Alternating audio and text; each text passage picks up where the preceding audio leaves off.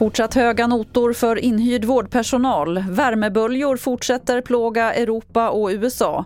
Och svenska skådisar ansluter till strejken i Hollywood.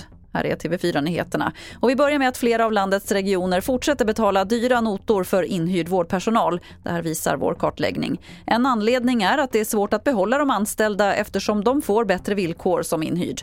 En av regionerna som ser ökade kostnader är Norrbotten. Där är Jan Öström ekonomidirektör. Det är en skenande kostnadsökning faktiskt.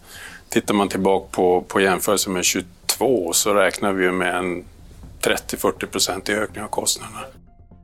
I eftermiddag ska både Toran och Bibeln brännas utanför Israels ambassad i Stockholm som en demonstration mot de uppmärksammade koranbränningarna. Säkerhetspådraget väntas bli stort. Polisen har beslutat om en så kallad särskild händelse vilket innebär att man har kallat in extra resurser.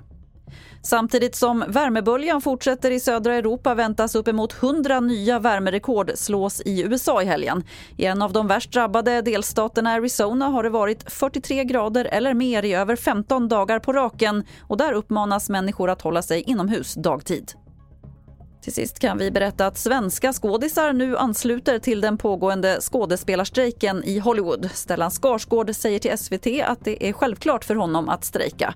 Och den pågående tvisten har stor betydelse även för den svenska filmbranschen. Simon Norton är ordförande i facket Scen och film. Det här är ju en konflikt som, eh, som de tar för oss lite grann.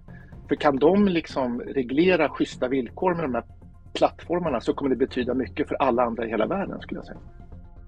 Och fler nyheter det hittar du på tv4.se. Jag heter Lotta Wall.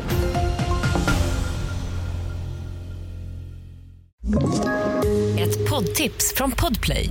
I fallen jag aldrig glömmer djupdyker Hasse Aro i arbetet bakom några av Sveriges mest uppseendeväckande brottsutredningar går vi in med hemlig telefonavlyssning och, och då upplever vi att vi får en total förändring av hans beteende. Vad är det som händer nu? Vem är det som läcker?